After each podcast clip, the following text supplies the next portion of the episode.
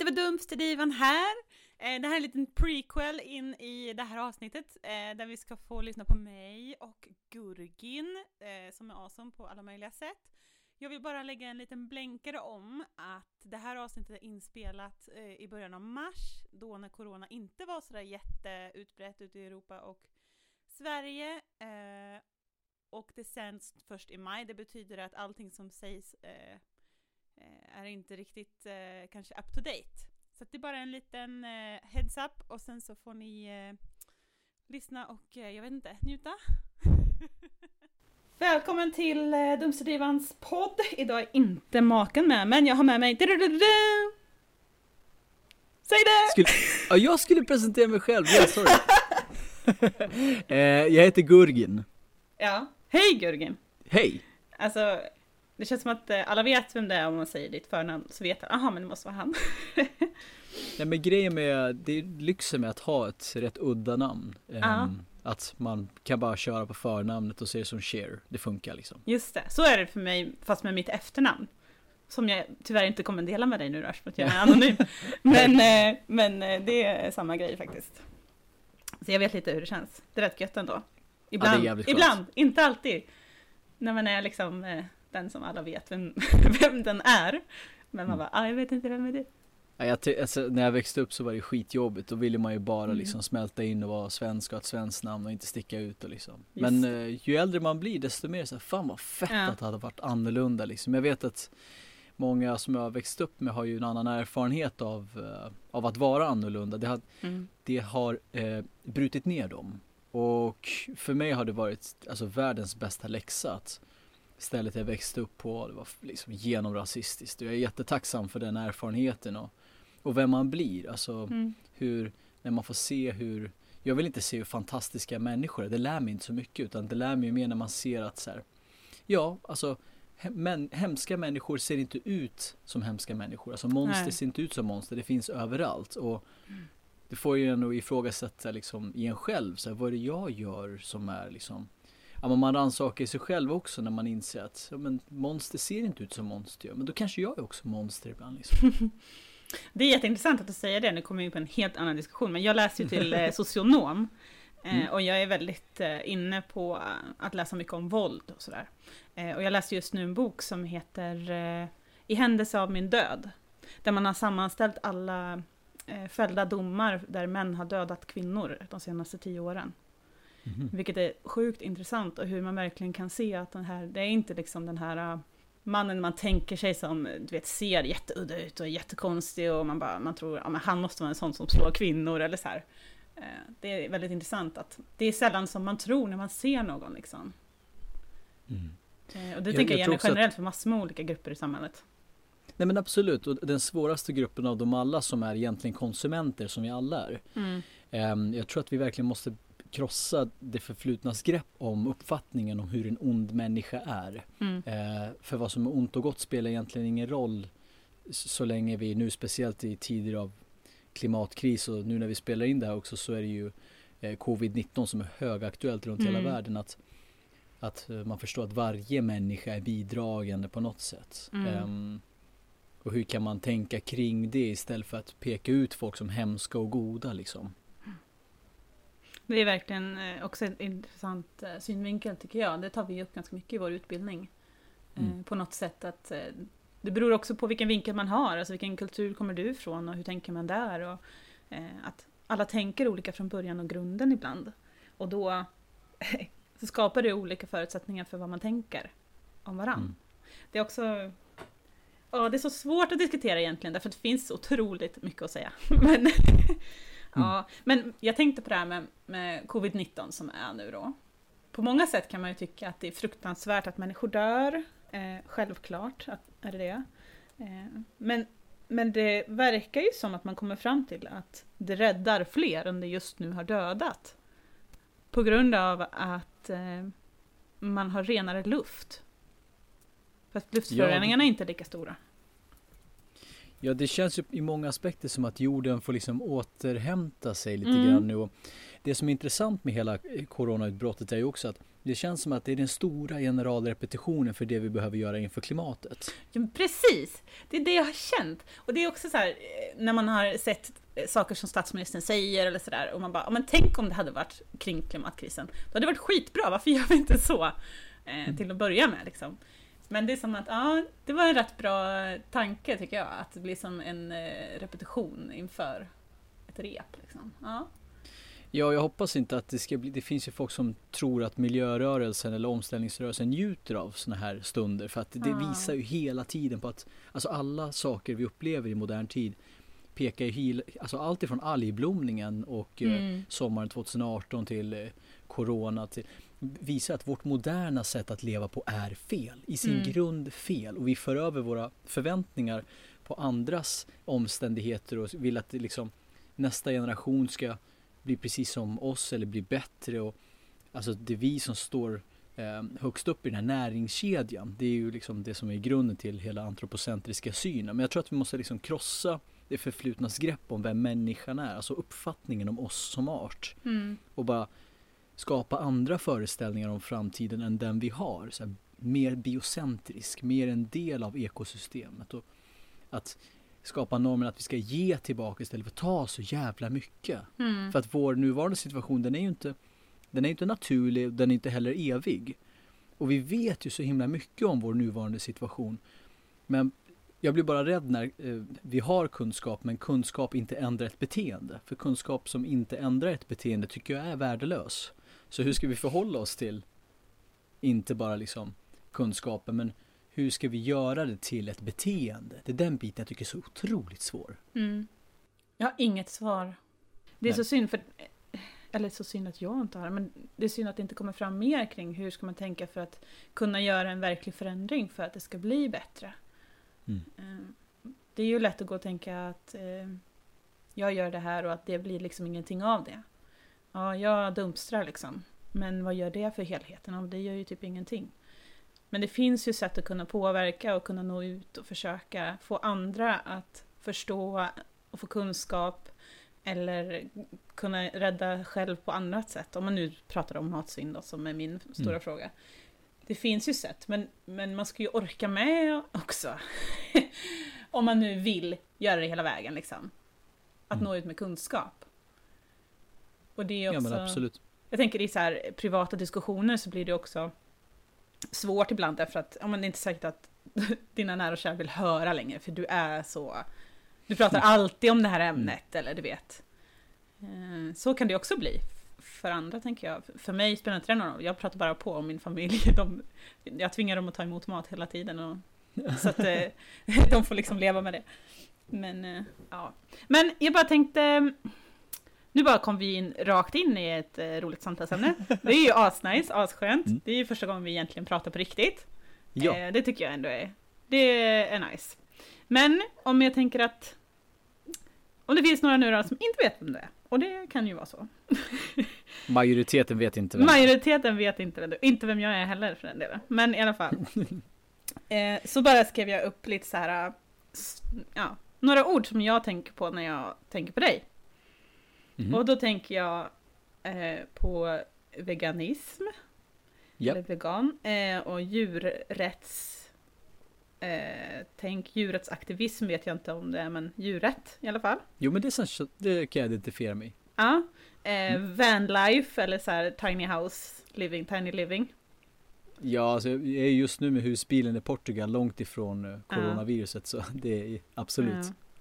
Eh, och eh, att du väljer hundbarn före eh, människobarn i ditt liv. ja, ja, det var så jag snyggt. såg dig första gången faktiskt. Eh, mm. För då var det något eh, inslag där.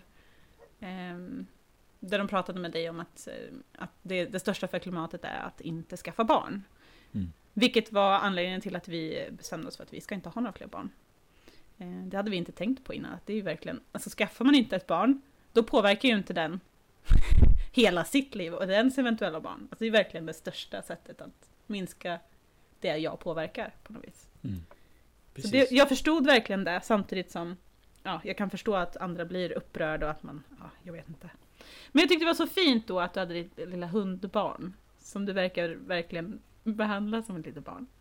Ja men det, hon är ju ett barn. Ja. Eh, och jag hoppas att jag också beter mig som en förälder för henne. Men det är ju, alltså visst även hundar kommer med utsläpp men omplaceringshundar det handlar om att vårda liv och Mm. att välja bort barn vet vi idag att, liksom att valet att inte skaffa barn sparar in 58,6 ton koldioxid per år enligt den här eh, Lunda-studien som blev Mm. så kontroversiell. Och, och det är det bästa vi som individer faktiskt kan göra i en värld som har börjat säga ifrån. Och vi måste Mm. komma ihåg att liksom när vi ska titta på våra miljövänliga vardagsbeslut Tittar man på Nyhetsmorgon och Morgonstudion och så, här, så tänker vi att ja, men det, vi ska väl sluta med sugrör och vi ska Mm, köpa ja. tygkasse och sådär. Men alltså barnfriheten är 20 gånger så effektiv som det näst mest miljövänliga vardagsbeslutet. Mm. Så att det värsta vi som individer kan göra är att vi skaffar barn som i sin tur skaffar barn som i sin tur skaffar barn. Mm.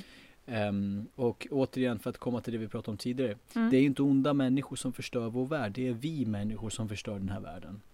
Så det blir ju, vi hamnar i en knivig situation om vi ändå ska prata om hur vi ska leva i framtiden. Eh, och om man är miljömedveten men ändå skaffar barn eh, och tänker att man ska sopsortera eller äta ekologiskt och så, sådär. Mm. Eh, så har man ju ändå undvikit de absolut största ödesfrågorna. Och jag tänker ju där precis som med hund, visst min hund kommer med utsläpp. Jag kommer med utsläpp. Och det vanligaste jag får skrivit till, dig, till mig själv är ju fortfarande än idag. Det har gått över ett år sedan jag gjorde min första intervju och sen har jag bara undvikit den här frågan i stora medier Mm, mm. eller i sammanhang där de sysslar med sensationsjournalistik för jag märker att de har utnyttjat det. Mm. Och det har förstört inte bara mycket privat för mig utan yrkesmässigt får jag inga jobb längre ända sedan de här intervjuerna gjordes för att jag såg hur jag gjordes till åtlöje och det enda jag får skrivet till mig nu är så här, varför tar du inte livet av dig? Och då har man inte förstått det, så här, den humana grunden i det här argumentet Nej. om att så här, det stora problemet idag av alla problem är att vi är för många. Alltså, Mm.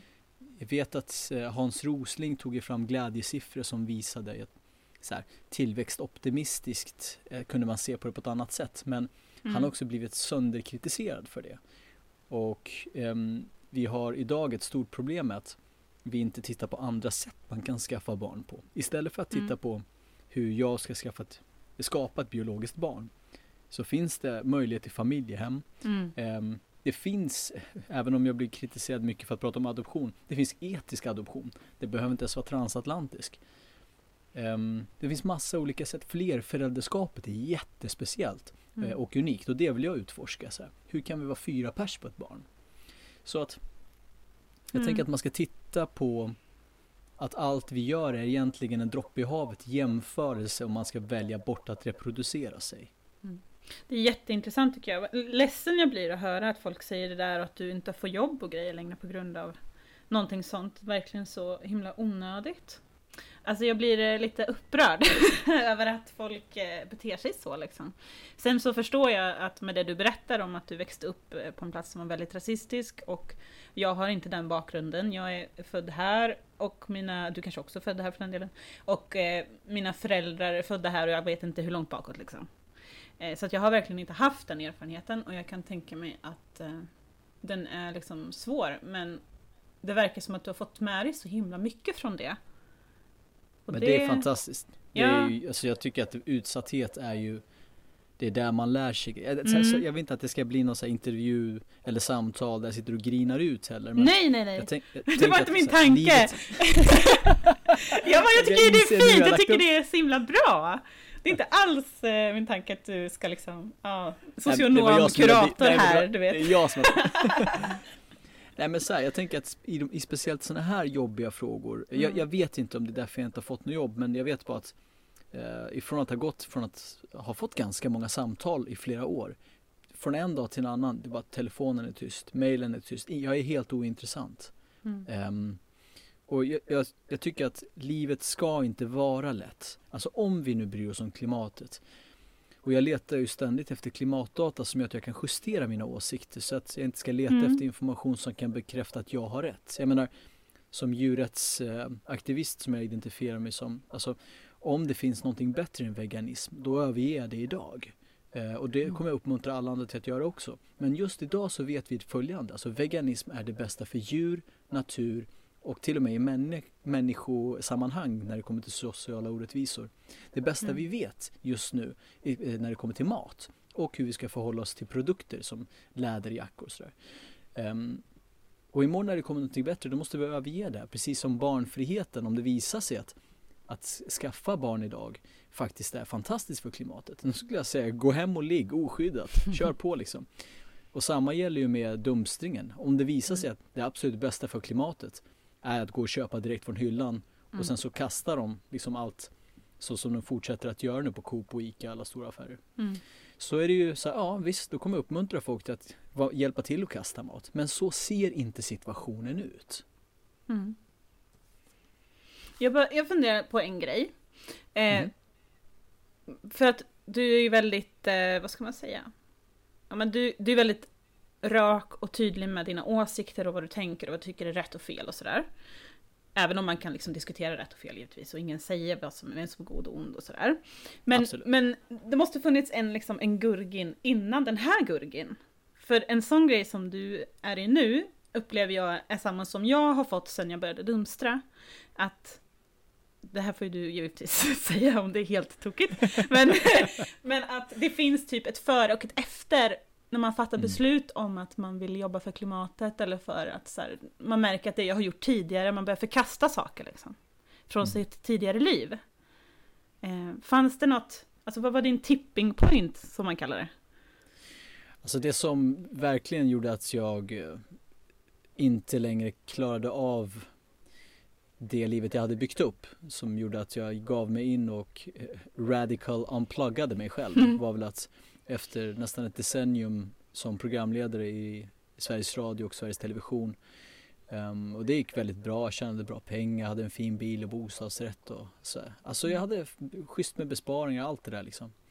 Um, nästa grej, nästa uppdatering, nästa köp och så vidare. Och jag hade 12-årigt förhållande som föll samtidigt som jag var tvungen att avliva min första hund och eh, i samma veva så började jag hata mitt jobb. Eller jag älskade mitt jobb tills jag inte älskade det längre. Mm. Um, och jag råkade ut för någonting som jag idag förstår var en bore-out. Alltså många pratar ju om burnout. Uh, mm. Men jag, jag blev inte utbränd. Alltså jag blev uttråkad och um, det har data visat att det har exakt samma effekter som utbrändhet. Så där stod jag liksom, du vet, med allt jag ägde i en väska. Flyttade från soffa till soffa i sex månader och har väl mm. bott på varenda soffa i Stockholm skulle jag säga. Och bara liksom, jag kände att allt var postsanning. Att jag bara, jag var omgiven av fiktioner, jag var omgiven av lögner och, och jag ville verkligen, du vet, jag hade satt allt mitt hopp i en berättelse om hur livet var. Tills mm. att den berättelsen föll. Och jag strävade liksom efter att, jag vet inte vad folk sysslar med, typ Alltså att, att man vill hänga upp en sköld i riddarhuset eller få en matchtröja upphissad. Men jag ville föreviga mig själv, du vet. Mm. Uh, och jag fanns någonstans i en intellektuell trygghet där. Jag tänkte att liksom jakten på ett lättare liv skulle komma genom att jobba hårdare. Men jag fattar ju nu att det är ju en fälla. Att hela liksom den spända och det stressiga livet, det är ju det är ju människans, den moderna människans väg mot ett lugnare liv och det är en felkalkyl. Men generation efter generation efter generation ända sedan vi lyckades göra maskiner av djur som skulle plöja åkern så har den här felkalkylen blivit normaliserad. Så jag bara, ja men skit i det här liksom. Jag, jag vill föredra fördjupning, jag vill föredra kunskap och inåtblickande. Så det ledde väl till att jag som hade drivits av mina självförstärkande myter och skepparhistorier och metaforiska berättelser liksom, om mig och, och om människan. Um, de här lögnerna som jag intalat mig själv så många tusentals gånger att de blev sanning. Bara avprogrammera dem, tänka helt annorlunda och se verkligheten för vad den är. Titta på fakta. Lyssna på människor som du alltid tyckt har, har varit liksom fel ute. Um, Glöm allt du har lärt dig. Allt du har mm. lärt dig är fel. Och därifrån så hittade jag ganska snabbt um, just uh, husbilslivet. För jag förstod att i hela frihetsfängelset så strävar vi ju efter att köpa den här dyra buren och sen ska vi betala av den här dyra buren. Mm. Och nästan allt jag sysslade med var sociala konstruktioner. Um, sånt som vi idag kallar för länder, religioner, pengar, kultur och så sådär. alltså jag var en del av den här föreställda gemenskapen att man måste betala sitt hem eh, och väldigt mycket. Um, sen bara, nej fast husbilslivet låter fett.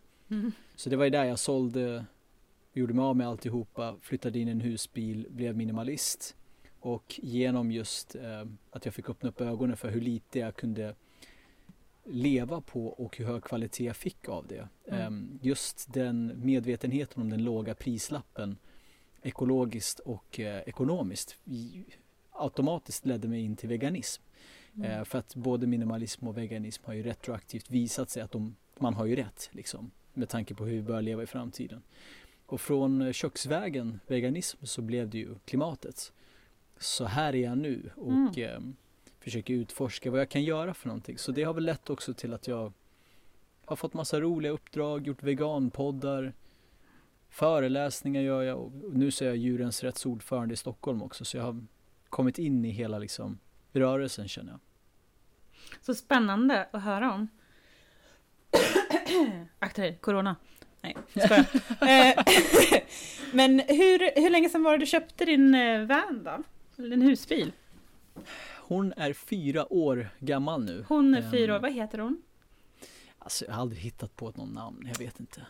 Jag tycker jag, hon ska heta Van Wife. alltså, kom igen. ja, men vi kör på det. Jag har It's aldrig gonna score. ja, gud. Jaha, okej. Okay. Fyra år alltså. Mm. Men du har någon form av fast boende också, eller? Senaste tiden, eh, den här senaste vintern som har varit, i sex månader har jag bott hos min eh, flickvän. Jag sa till mig själv att jag skulle vara mm. frivilligt singel så länge som möjligt. Men eh, efter... Och, och sen ja. var du motvilligt singel? Ja. Eller, ja, men, eller fast nej, ihop? Vi, vi, träffades i typ tre år och sen så bara Hallå, ska vi bli tillsammans eller inte? Så att vi har skitnice uh, öppen relation. Hur länge har ni varit tillsammans då? Jag tror att uh, första året, alltså som ett par officiellt, men vi har ju mm. träffats i flera år. Ja. Så nu är vi här. Ja, vad kul. Spännande. ja. Ja, jag och min man firar tio år som par om en månad. Ja, oh, nice. Grattis. Ja, tack. Eller jag tror det. Eller? jo. Eller grattis. Jag ja, men, jo, men det, det är jättebra. Jag har väldigt tur som får ha honom kvar, på att säga. Han är väldigt bra att ha och en väldigt fin person faktiskt. Ja, vad schysst. Ja. Gratulerar. Ja, men tack. Han har gett mig två väldigt fina barn också. Som han tar hand om, det är skönt. Ja, fett. ja. Fan vad fett. Ja, verkligen. Han lagar all mat och ja, stackars eh, honom vill jag på säga nu för att jag hjälper knappt till. Men eh, oh, vi ska inte prata om honom nu. I alla fall, nu ska vi se, vad tänkte jag på? Jo men, för jag visste inte om nämligen det här med att du hade jobbat med SR och SVT eh, innan. Utan så här, jag bara, ah, men jag måste snabbgoogla honom innan här. Och så bara kommer det upp och bara, ah, någon sån här SVT-profilen lämnar. Jag bara, oh, okej, okay, okej, okay, vänta nu. Och sen så, så sket jag i det och tänkte bara, vad var det du gjorde då på SVT? För att jag är nyfiken. Alltså det här är ju så jävla sjukt. Eh, jag tror att det är väl sammanlagt fem eller sex eh, barnprogram har gjort. Så det har varit mycket barnprogram. Jaha. Men eh, jag tror att när mitt liv var som värst så var jag programledare för Godmorgon Sverige. Och det heter ju numera Morgonstudion. Mm. Och där sitter man, det är ganska, det är ganska bisarr Alltså morgon-tv och sånt där, det är verkligen bisarrt för att man, när man är en del utav Om man tycker generellt att livet är lite fake och man jobbar med typ inspirerande morgon-tv eller morgonradio mm.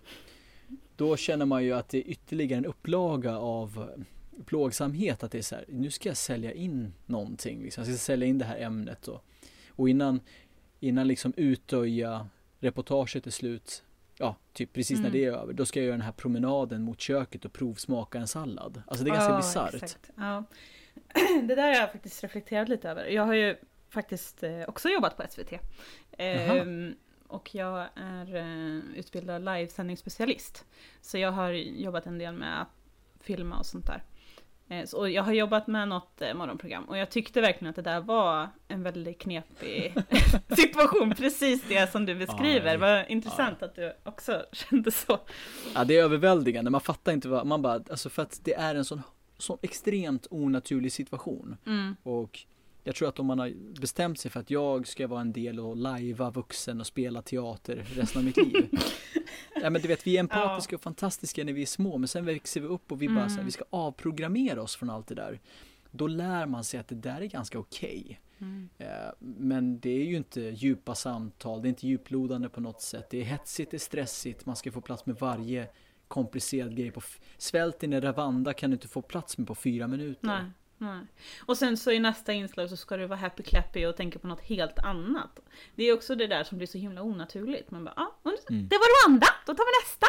Alltså så här. ja, men det blir så. Ja. Ah. Okay. Mm. Men eh, hur kommer det sig att du är i Portugal just nu då? I, mitt i den här covid-19, eh, eh, liksom coronaviruset, monstret som drar igång och som ändå är ganska stort i både Italien och Spanien. Hur kom det sig att ni åkte? Eller ni kanske varit ute sedan innan? Det började? Nej men vi har varit ute i flera veckor nu och ja. Eh, precis när vi körde från Sverige då blev det ju en stor grej av det här. Jag ska säga någonstans när vi var i i Holland blev det mer nyheter av det och sen så när vi var mm. i Spanien Då märkte vi att så här, shit Spanien börjar bli det nya Italien och mm. Därifrån så körde vi över till Portugal mm. Och sen och har hur... vi varit ute i vildmarken sen dess ah, Okej okay. Ja alltså jag, åh Jag är så avis på er ja, Jag ville så gärna nice vara den här extra personen ni skulle ta med ner Gärna, Men det funkar ju verkligen inte. Men ja, alltså Nej. så spännande. Jag eh, har ju också surfat en del innan och jag ser att ni har bilder på surfbrädor och grejer och liksom havet där och, och Portugal. Och jag älskar portugisiska. Och det är så här, mm. nej. Så känn verkligen att, äh, att du kan njuta lite åt mig. Ja men det ska jag göra, det ska jag göra. Men det är ju, alltså det bästa är ju att det kommer med en så låg eh, utsläpps ekologisk prislapp men också ekonomisk prislapp. Men det är mm. samma som, jag vet inte varför, det, är därför det är kul att dumpstra också för att det, man vet att man gör så mycket bra samtidigt och liksom för ens ekonomi. Att så här, mm. eh, man vet också att man kan ta åt folk, alltså man blir en del utav en kultur. Um, och man tror att man ska vara själv som gör det, sen bara nej det finns jättemånga som gör det öppet eller i det tysta. Liksom. Mm. Mm. Allt ifrån lever vanlife eller ja, eh, sysslar med aktivism eller dumstring. För jag, jag tycker att dumstring är aktivism. Ja men det håller jag med om. Jag har egentligen aldrig direkt sett mig som någon aktivist. Jag är så här uppvuxen inom pingstkyrkan och du vet jätteduktig, man får inte dricka, man får inte ligga, man får inte... Och jag, så var, jag var jätteduktig på allt det där. Så det är jätteknepigt för mig på något sätt att uh, vara så uh, aktivistig. Mm. Eller så här, jag har aldrig sett mig som den personen men jag inser mer och mer att det är det jag är. Och det är jag även i kyrkan, där jag fortfarande är kvar. Liksom. Mm. Eh, så jag är den här som alltid ifrågasätter och alltid är jobbig och som folk typ, kan vi inte bara skippa henne? Alltså, hon är bara jobbig. ja. Så då försöker jag vara där och en liten sån här gruskorn i ögat som bara påminner om vad man ska tänka på. Bra. Ja, jag gillar det. Eh, men, men det jag tänkte fråga var, hur länge har du dumstrat då? Jag är ganska ny, jag har ju eh, inte bara liksom eh, kollat upp det som du har gjort, kollat i dumstringsgrupper, mm. också läst Andreas Jakobssons bok. Du har säkert yes. gjort något avsnitt Svinlandet. om Svinlandet. Mm. Mm -hmm. Och ähm, innan jag satte igång så har jag förstått att så här, det är rätt. Men jag vill uppleva det själv. Och efter första kvällen jag dumstrade, jag kommer ihåg när jag kom fram till det här stället, um, och det, jag tror att det låg en, alltså lågt räknat 300-400 gurkor. Mm. Och jag bara, vad fan är det här? Alltså, jag är en gurkkille måste jag säga. um, så jag åt ju gurkor flera veckor efter det där, men samtidigt så blir man ju förbannad för att ja. så här, visst det är kul med gratis mat, men är man ideolog och ideologiskt lagd, då är det ju så här hemskt. Precis. Det, det, det, jag vill verkligen att, alltså, det är en helt annan slags förändrande kraft när det som du sa, att man själv ser det med egna ögon. För att jag tänker på svälten som ett faktum samtidigt som vi producerar mer än tillräckligt med mat för att ingen ska behöva gå hungrig. Så mm. varför går folk hungriga samtidigt som vi kastar mat? Mm. Um, hur kan man globalt producera tillräckligt med mat för att mätta hela jordens befolkning? Hur kan vi sluta slänga det här? Mm. Varför produceras det här för att hamna i det här sopkärlet och jag skäms för att vara människa. Ja, men ehm, exakt. När, när jag ser att någon har tvingats slänga det här och uh, jag tror också att är det så att man tror på företagens miljöarbete så ska man gå till närmsta matbutik på baksidan och öppna upp ett sotkärl. Mm. Och sen ska man titta ner och sen recensera dagens insats av det här företagets miljöarbete. Ja exakt, och det gäller ju verkligen alla företag. Alltså prylföretag och alltså klädföretag, de är ju väldigt eh, illa de med. Jag har dumpstrat en del prylsaker, eller sådär prylbutiker. Mm. Eh, och jag har hittat, alltså du vet, hundratals mattor, eh, säsongsvaror som bara, nej men det har inte blivit sålt, Herregud. det är inte värt att spara, så vi slänger allting. Det är så här, du vet, små grejer kostar inte mycket Mm. och inte värt ytan liksom, i butiken längre, så det är bättre att slänga. Och då blir man så här, eh, det, det är nästan jobbigare än mat, för mat blir ju dåligt till slut. Mm. Ibland Absolut. är det oundvikligt med, med, med liksom, eh, matavfall. Mm. Men, men prylar blir ju inte dåliga om de inte har gått sönder på ett väldigt konstigt sätt. Eller så här. Man kan ju laga mycket också. Men så tänker man ju inte heller när man är försäljare. Liksom. Så det har upprört mig väldigt, väldigt mycket. eh, Just när man hittar saker. Jag hittade till exempel så här t- 10-20 förpackningar med felfria hörlurar. Eh, som- Herregud. Ja men så här 100 kronor styck. Han bara, men de... Ni kan ju sälja ut liksom, eller vad sjutton som helst. Uh, Ja, säckvis med jag- godis. Och, herregud. Just mat vet man ju att de slänger en hel del. Mm. Ehm, och jag tänkte ju att det ska ju finnas eh, några ruttna grejer här och där. Men jag är ju fortfarande lika chockad varje gång jag tittar ner i ett Mm. sopkärl och bara banan, alltid bananer. Ja, alltid. Eh, nästan alltid avokados, tulpaner, gurkor, tomater, potatis. Alltså vi, Mm. det är inte heller bara ett skevt livsmedelssystem. För att ehm, jag minns, eh, jag och mina bröder, vi drev en kebabrestaurang i tre år som finansierade våra studier. Så den här Mhm. veganen har, har pluggat på köttpengar. Ehm, Köttpengar! Ja, det är glad. Vi delade soprum med eh, Coop Forum. Och Okej. jag kommer ihåg att de hade kameror i soprummet för att Mm. ingen skulle ta ut alla de här nya Playstation, Xbox, tv-spel, eh, DVD-skivor, alltså allt. Det skulle in i den där krossen. Mm. Och jag minns antalet kamerorna där, där i det här soprummet och hur jävla konstigt det var. Så här, där låg liksom 30 stycken exemplar av senaste Grand Theft Auto och de kostar 400 spänn i butiken. Varför ska de mosa allt här? Mm. Mm. Och det kan ju vara allt ifrån att någon har köpt, lämnat tillbaka och det är någon konstig liksom repa i omslag och då bara slänger de det. Så Mm. att det, det är ju hela systemet som är på massa olika sätt är helt fel. Eh, nu har inte jag dumstrat på sådana här detaljhandelbutiker men lite så här utanför målarbutiker och så här, man bara det finns ju målarfärg här. Mm. Ja, jag hittade magnetfärg för inte så länge sedan. Jag har eh, hämtat hem gräsklippare också. Oh. Eh, här, inte åkarsklippare men du vet så här, man går med lite grann i kanterna. Mm. Eh, som är eldrivna eller så. här. Det är rätt nice. Men eh, man måste ju vara lite elektriskt kunnig ibland också för att få saker att funka. Men det är ju spännande. Vi har ju elbil och sånt där. Så att, eh, Ah, okej. Alltså en eh, Vine, gammal elbil från 96. Alltså folk tror inte att det är sant. Jättekul. Det var någon som öppnade min laddningslucka en gång på bilen och undrade om det var mitt så här, alltså ska man fimpa här? Eller vad gör du i den här lilla luckan? Jag bara nej! Det är där jag laddar, fimpa inte! Vad håller du på med? Så himla konstigt. Ja men så, så, så gammal elbil har jag. Eh, som tar sig fyra mil liksom, totalt. Men det är perfekt för oss. Vi bor strax utanför stan eh, och har en mil ungefär. Så att vi kan åka in, åka runt och åka hem. På en Mm. laddning liksom.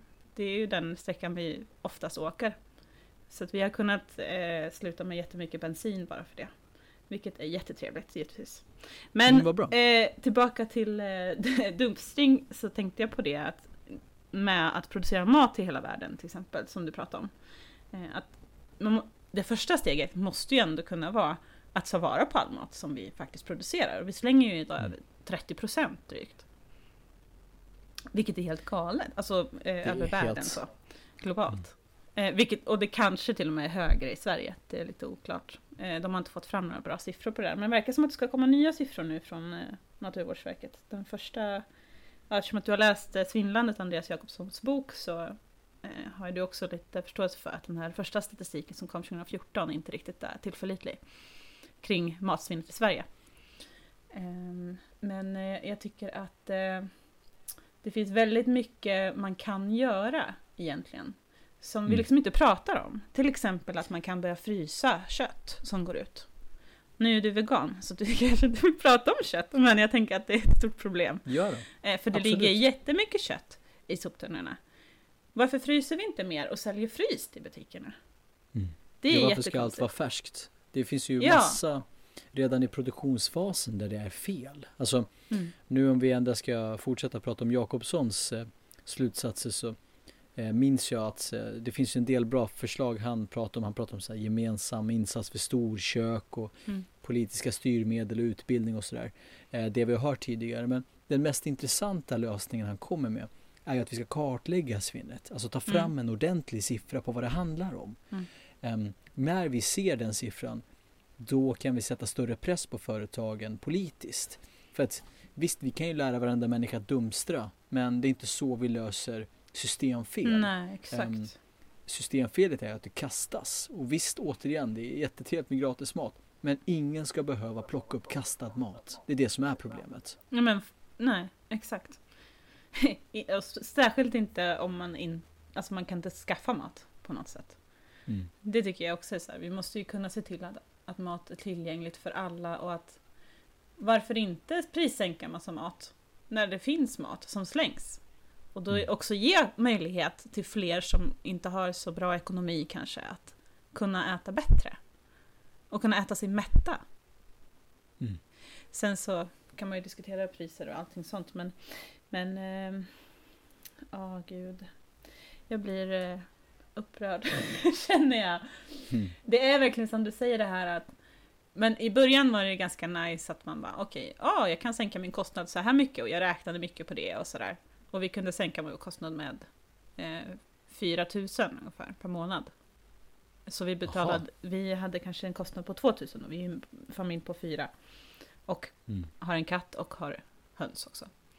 Eh, och alla ska ju ha mat liksom. Men, men då Mm. kunde vi sänka vår kostnad ganska mycket. Och nu så känner jag inget behov av att räkna på det. Därför att det är inte viktigt för mig längre. Det är helt sekundärt. Eh, ja, vi har en relativt stabil ekonomi och vi klarar oss liksom. Vi skulle kunna handla allting i butik. Men Mm. jag fixar liksom inte att bara se förbi att det ligger mat i soptunnorna som någon behöver äta upp. som inte får liksom gå till spillo. Som, där butikerna inte gör allt och där inte heller konsumenten vet hur man ska bete sig för att få sin butik att, att kanske börja bli mer svinsmart. Eller att man inte förstår att man själv är drivande i frågan heller. Alltså det är ju konsumenten som någonstans har drivit fram att vi har kommit till det här att vi ska ha det så här. Att vi ska ha massa olika typer av märken på samma vara. Och att, nej men finns inte den, då tänker jag minsann åka till en annan butik. Så att de fortsätter köpa in den här för jag ska visa liksom, att jag är riktigt missnöjd som kund. Eh, och jag tycker att det är att verkligen inte ta sitt ansvar som, som, som konsument. Eh, Att Mm, inte det- kunna tänka sig att ha tomma hyllor. Liksom. Man måste inse att ah, det är okej med to- tomma hyllor. Det är väl någonting som är nu. Fast det verkar skapa mer Ja, panik än, än så här, ah, det tog slut, vad bra! som jag vill. Ja men det, man ser också så hur, hur mycket vi behöver träna in våran Alltså buddhistiska munkar är ju fantastiska på att träna in sin empati för att då vet Mm. man att man ska inte länsa allt på finns som hyllan. Mm. Ehm, det måste ju finnas över till andra. Mm. Men jag tror så att vi Så många svar på våra framtida problem finns ehm, i dåtiden, alltså om vi läser historien. Jag menar, titta på hur svältåren i Sverige formade Sverige. Det är jätteintressant. Alltså vi hade nästan hela Norrland som svalt. Vi har ju oftast de Småland som fick lämna till Amerika eh, för Mm. att jobba för småmynt liksom. Eh, och Vilhelm Moberg beskrev det så himla bra i sina böcker. Ehm, Men eh, det gamla Sverige har jättemycket visdom. Alltså vi behöver gammal visdom för att uppdatera vår världsbild. Så här, Mm. Hur sparade man mat? Vad kunde man Mm. göra med endast en produkt? Ehm, hur kan vi äta endast mat producerad inom typ 5, 6, 7 kilometers avstånd så vi slipper de här frakterna? Mm. Hur kan vi se till att eh, liksom, eh, matsystemet blir mer effektivt och humant och hur kan vi liksom äta mindre animalier och till slut liksom ha nollvisionen att sluta med det så att vi kan äta liksom Ja, alltså lära folk att ställa rätt frågor också. Varför slängs det så mycket mat? Mm. Varför kastas maten? Och vet konsumenter hur mycket matbutikerna egentligen slänger? Så att hur, hur, kan vi uppdatera vår världsbild genom gammal visdom? Jag tror att det mm. finns jättemycket färdiga svar där. Det är mycket möjligt alltså. Det är bara, jag, jag känner att jag vet inte hur jag ska få tag i dem liksom. Har du mm. några tips? alltså, det jag tror, eh, och jag tycker de är så jävla härliga, omställningsrörelsen. Alltså omställningsrörelsen, de på något sätt presenterar ju en värld som är hel och den går att förstå. Till skillnad från den här moderna världen som är full utav människomyter som vi lever i nu. Och, mm. Jag tror att vi, vi, måste titta mer på vad omställningsrörelsen har att säga och inte bara prata om hur vi ska skapa liksom elektrisk lastbilstrafik Nej. genom Sverige Nej. och sådana här grejer utan och, släppa saker som teknikoptimism och börja mm. gå mot de, de här långtgående effektiva förslagen som visar på liksom, hur vi egentligen bör leva. Visst, vi kan ju försöka liksom, lindra klimatkrisen genom teknik men vi kan inte sätta vårt hopp i tekniken. Vi kan inte heller sätta mm. vårt hopp i alltså, så, vår ekonomiska liksom, modell som vi har i dagsläget. Um, så hur ska vi helt enkelt leva? Det är ju det det handlar om och jag tror att mycket handlar också här om att omställningsrörelsen vänder sig en hel del till individer. Och man måste nog vara, sluta vara rädd för att bli opopulär. Och sen mm. titta på vad som faktiskt behövs och hur man kan bli hängiven till ett sånt liv och finna ett nytt sammanhang. Um, för att det är ju liksom, vi pratar hela tiden om att vi behöver saker men det är alltid så här nödvändig, nödvändighetens rike utifrån de här myternas standard. Jag mm, behöver exakt. en TV. Alltså jag, en person, måste äga en TV. Varför kan inte tio pers dela på en TV? Mm. Varför kan inte så här många människor dela på ett storkök? Um, så jag tror inte att vi ska sträva efter att verka normala utan vi ska experimentera och titta på hur de har gjort förut. Det finns jättemycket svar i, i dåtiden. Ja men det är det jag tänker på nu när du sitter och pratar, att allting det du skriver nu, varför gör vi inte så, varför gör vi inte så? Därför att, eller det har ju, det har ju redan varit så. Jag kommer ihåg mamma berättade att man gick till varandra och tittade på TV för att ja men de hade ju, så gick vi dit, och de hade ju en telefon så då gick vi och ringde från dem liksom. Eh, mm. och att vi är så himla bekväma i att man måste ha allting själv. Och, och, och det är normen också såklart. Och det sätter ju jättestora, eh, alltså det blir stora effekter av det såklart. För annars är man ju konstig om man inte gör som alla andra. Ja men det är exakt. Det, men det låter men, jätteintressant tycker jag att försöka gå bakåt och gå tillbaka till ett, eller tillbaka, men att försöka komma in i ett samhälle som är inte så individanpassat, om man ska säga, utan man är mer gemenskapsanpassat. Mm. På något vis. Ja, det blir väldigt svårt när Sverige är typ, jag tror att det tillsammans med Norge är världens mest, inte individualistiska utan hyperindividualistiska land. Mm. Och om jag får dela med mig en insikt, kanske den viktigaste liksom, som jag har lärt mig det senaste decenniet, är att man ska inte gå på den här lögnen att förverkliga sig själv. Liksom. Men också att just hyperindividualism, det är ett gift. Um, och jag tycker att man ska gå ihop istället, vända sitt fokus mot världen och göra någonting för samhället, inte för sin karriär. Mm. Um, men istället så liksom skapar vi tama människor som inte utvecklar sin fulla potential utan de ska stå där och, alltså, jag tänker på min tid i lumpen nu, hur man ska liksom ställa sig givakt när någon säger att man ska göra det. Mm. Och sen så är det patron ur när samma idiot säger att man ska göra det. Alltså jag tror inte att vi behöver totalitära samhällen eller eh, totalitära företag eller folk som ska diktera för hur vi ska vara som människor. Um, för att vi tror att det är den vägen man ska gå för att vara en sund människa. Men jag tror att människan behöver vara öppen, estetisk, filosofisk och odla intellekt och kombinera det här med god kost såklart och helt enkelt titta utanför den där jävla lådan och agera utanför normerna för konventionell filosofi. Om vi vill verkligen komma utanför och se att samhället och allt vad det innebär har inget fixat DNA. Mm. Samhället och allt vad det innebär, det blir vad vi gör det till. Mm. Så vad vill vi ha vårt samhälle till? Vad är syftet med samhället? Mm. Eh, hur ska vi förhålla oss till varandra? Hur ska vi förhålla oss till miljön vi finns i? Så att eh, jag tror att det är viktigt att man inte går vilse i den här hyperindividualistiska världen. För att det, jag vet inte, vi båda har jobbat på SVT så vi vet ju att folk där liksom åkte till Indien för att finna sig själv och uppleva något heligt. Mm. Men de glömmer bort att så här, det heliga finns överallt. Mm. Eh, det heliga finns verkligen precis överallt. Och det finns överallt eftersom att man kan bestämma sig för att det finns överallt. Mm. Så samhället blir exakt det man gör det till. Men jag tror att vi är så fullt upptagna med att resa runt världen men vi vågar inte resa inåt. Och det är där liksom den inre omställningen tycker jag har varit den absolut svåraste. Det var, inte svårt att bli minimalist. Um, inte heller vegan eller ge sig in i liksom, omställningsrörelsen. Jag tycker att det svåraste har varit den inre omställningen. Vem är jag i det här? Mm. När alla säger åt mig att så här, kom vi ska åka på en gemensam weekend Barcelona liksom.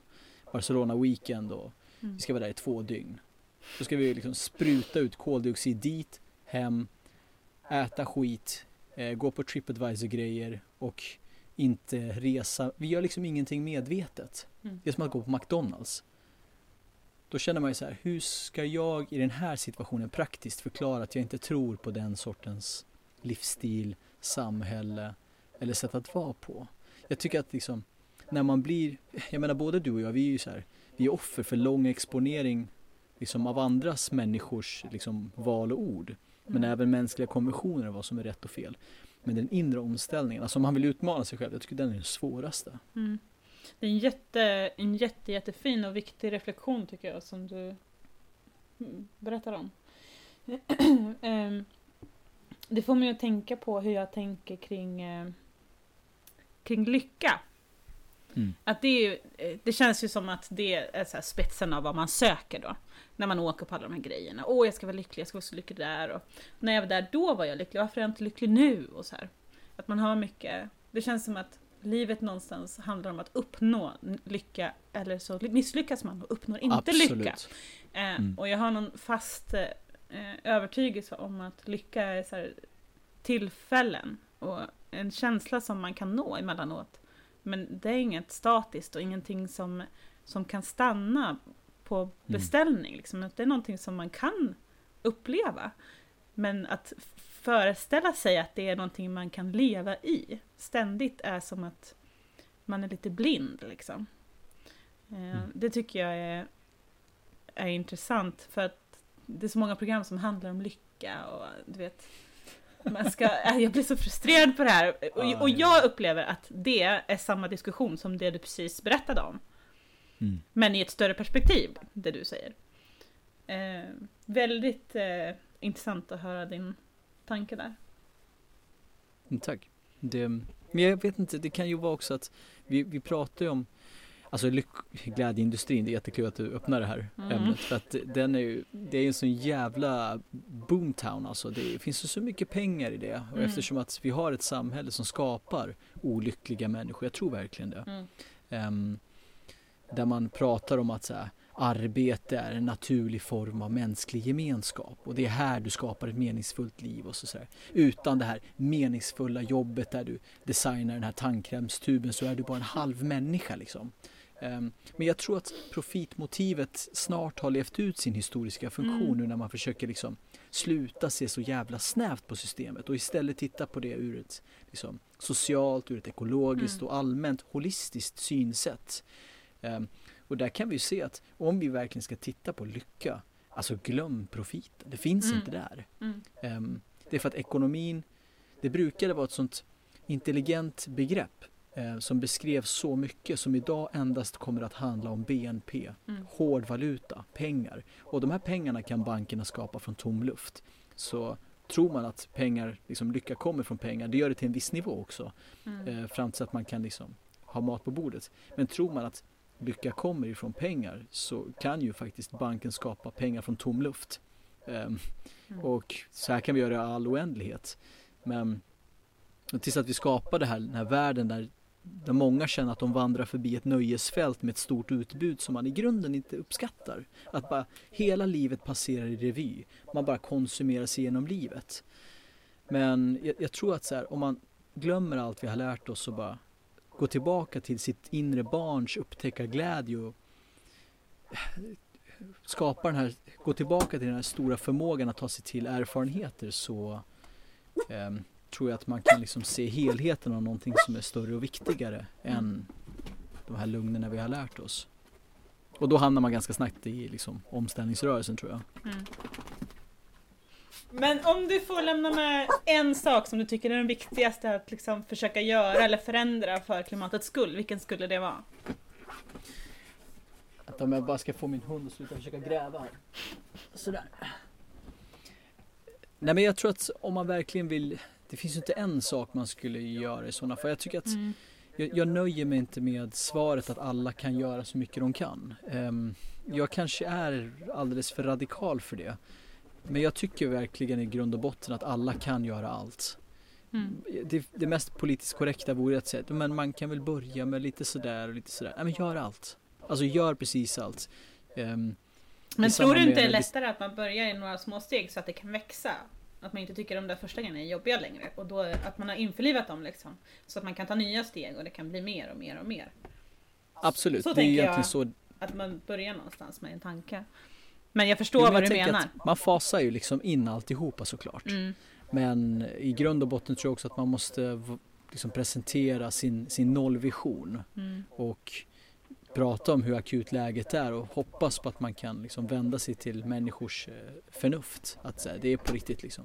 Um, det räcker inte med att du endast placerar dina pensionspengar rätt mm. i rätt fonder eller vad det nu är för någonting. Utan att du tittar på hur du reser, du tittar på hur du jobbar, du tittar på hur du äter. Mm. um, att hela den där resan inte får stoppa. Nu är jag vegan. Jag känner skitmånga som säger det. Men de flyger också. Mm. De investerar i oetiska aktier. De, eh, liksom man bara, fast titta holistiskt på det här. Mm. Men jag förstår vad du menar. Alltså det, är, jag tror att det är mest, om vi tittar på vad forskningen säger, så är det ju mest effektivt när man bara gör typ stegvis små saker och inte blir överväldigad mm. i informationen. Men i grund och botten tycker jag att alla ska göra allt. Mm. Jag tycker också det. Jag tycker också det. Det vore väl jättebra om alla kunde göra allt. Ja eller hur. Ät rätt, rösta rätt, lev rösta rätt, rätt, tänk rätt. Den blev ju skön. Åh, det hade varit skönt om alla röstade som jag tyckte faktiskt. Ja, då hade det varit lättare, livet. Generellt. Ja men ja, det är också en av grejerna jag tycker man ska överge. Så jag var innan hela klimatkrisen. Är du, är du emot demokrati? Absolut. Nej jag skojar. Nej, Nej men jag var rätt övertygad liberal faktiskt. Mm. Och uh, jag har ju kommit fram till att jag, jag, kan inte tro på jag kan inte förhålla mig på det här sättet för att lösningarna på klimatkrisen, alltså tyvärr, de, de, de ligger inte ens på vänsterkanten om man ska säga det ärligt. Mm. Då, även om de flesta gör det. Utan här, om vi ska titta på först och främst problemet um, och utgå ifrån det. Och då tycker jag att klimatkrisen är det absolut största vi har just nu. Det är ett gemensamt hot och det är på allvar. Så hur kan vi rösta eh, på ett sådant sätt som gör att klimatet gynnas av det? Det här med höger och vänsterpolitik, det är verkligen att strimla klimatfrågan. Mm. Sen för mig är det egentligen, nu så ska vi strax avsluta, men jag bara tänkte på det förut när vi pratade om till exempel eh, att välja barnfrihet eller att, att kanske istället eh, bli extra förälder eller förälder till vårdnadshavare till ett barn som behöver. Liksom. Eh, mm. Att det blir ett väldigt eh, ensidigt sätt att se på saken eh, såklart. Och att jag tycker att man kanske behöver eh, nyansera det också. För vi har ju till exempel en åldrande befolkning och vi har en, en demografi som är en upp och nervänd pyramid, vilket betyder att vi föder färre barn hela tiden och att de är för få för att ta hand om de som blir äldre. För att vi har haft för, för bra sjukvård eller liksom sådär så det behöver ju också sättas i perspektiv kring men hur ska vi göra då för att kunna ta hand mm. om, om oss när vi blir gamla? Eller ska vi bara lämnas till att dö för att eller ska man börja ta hand om sin familj igen som vi gjorde förr? Eller? Alltså det, det är en mångfacetterad fråga, det är det jag vill säga. Inte bara den, utan egentligen allting som man kan diskutera. Det är klart att vill man alltid göra det bästa för klimatet, då kommer det vara på bekostnad av någonting annat. Men man behöver också kanske försöka se det från flera sidor och vad blir det bästa gemensamt i första fall, eller i första läget och sen kanske kunna jobba mer utifrån att det ska bli bättre mot klimatet hela tiden. Ehm, mm. Det blir konstigt om vi bara ska ställa om hela samhället och sen helt plötsligt så står vi med väldigt svåra sociala problem eh, för att vi inte tänkte hela vägen. Och det blir inte heller rätt, men vi har ju en jord. det är liksom, mm. ja, det är svåra och stora frågor, men eh, Ja men jag tror att det går ju att alltså inte bara tänka klimatet men också tänka humanismen, också tänka djuret. Alltså man kan ju ta med mm. så många perspektiv som möjligt. Mm. Um, men det, det, kommer till just, uh, vi har ju en ganska så, det rasar ju nu, uh, barnafödandet i mm. Europa och jag blev ju inte så populär bland Kristdemokraterna när, när jag gick ut och sa att uh, lösningen på det ligger ju också då i sådana fall på migration. Alltså släpp in folk i mm. behov av nöd. Um, så hela det här argumentet handlar ju egentligen om um, alltså om humanism. Alltså de som lever är 100% mer värda än de som är ofödda. Och de som lever är de vi bör ta hand om. Mm. Uh, och där kommer ju, jag menar automatiskt kan man ju se där i den här aspekten till exempel att uh, klimatet faktiskt är för en bra flyktingpolitik. Om mm. vi ska titta på just uh, överbefolkningsfrågan som inte är en indisk, afrikansk, kinesisk Nej, fråga. Mm. Den är global. Mm. Ehm, för att frågan måste ju hanteras för vad den är. Det är hela världens befolkning, inte delar av den och dessutom hela världens miljö. Exakt. Så då, alltså jag menar, det finns ju de som menar att visst, typ i vissa tredje värld, alltså jag kommer ju från Kurdistan, mm. det är ju 8 till 13 barn per familj. Men det är fortfarande inte ett eh, svenskt barn i koldioxidutsläpp. Men det är fortfarande antalet. Mm. Eh, så det handlar ju både om där och här. Men om man ska liksom, så att jag tror att man kan baka in en hel del humanism i just eh, klimattänket. Mm. Säger inte att eh, man är en, eh, alltså man ska Alltså som vi sa, nu går jag runt här i cirklar, men man ska ta, ta med så många perspektiv som möjligt i den här frågan och det kan vi lösa genom migration till exempel, vilket mm. är bra för flyktingar. Ja men det är jätteintressant, eh, det håller jag med om, det har vi ju redan gjort i Sverige en gång. På, mm. vad var det, 50-talet, 40-50-talet, efter kriget där. Eh, när vi inte kunde alltså, fylla fabrikerna med arbetare, då tog vi in jättemycket från kringliggande länder för att vi behövde arbetskraft till exempel. Mm. Eh, det har ju hänt tidigare också. För men, eh, jätte, jätteintressant tycker jag att pratat med dig lite mer. Eh, och eh, det vore kul att göra igen. Ja jättegärna, vad kul att gästa dig. Ja, roligt att du ville vara med. Ja, för de som inte följer dig får ju gå in och kolla på grejerna du lägger upp. Ehm, jag tror att det är jättebra sätt att få folk att börja dumstra också. Ja, nu är, det är ju inte generellt mitt syfte egentligen. Mitt syfte är ju verkligen att jag ska visa vad som är matsvinn så att andra kan se och kan förändra sina beteenden från det. Vill någon dumstra är det ju skitbra att mat räddas liksom, fysiskt. Mm. Men det är ännu mer värt om man väljer att till exempel engagera sig politiskt och börja förändra styrmedel och försöka liksom, påverka på på ett annat sätt, inte bara direkt i aktivismen. Men den är också givetvis viktig. Mm. Eh, ja, så tänker jag. Sen är det också en form av aktivism att så här, låta bli att slänga det mesta som håller Absolut. länge. Typ bara köpa frukt i, och grönsaker i lösvikt och använda mm. frysen oftare. Men, men också att sätta press på sin matbutik. Alltså vill man inte mm. dumstra, fine. Liksom snacka med matbutikerna. Alltså, mm. eh, men också skapa sin uppfattning om så här. För att det är så kulturellt. Alltså, om det är någon som lyssnar och inte är övertygad av liksom den här podden, alltså då måste man fråga sig själv, vad är mina åsikter om bäst före datum? Mm.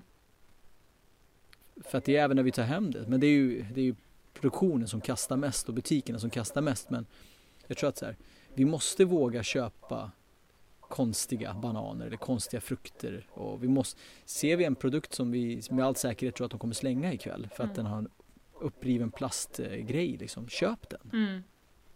Verkligen, och det håller jag med om. Det är någon sorts vardagsaktivism liksom, som ändå kan göra en viss skillnad i soptunnan. Eh, mm, rent fysiskt, verkligen. som är jätteviktig och som är jättebra. Um, det vill vi uppmuntra till. Okej, okay, men då så. Tack för att du har varit med mig. Och eh, jag hoppas att vi ses så här snart. Jag hoppas det också. Tack för den här okay, gången. Tack.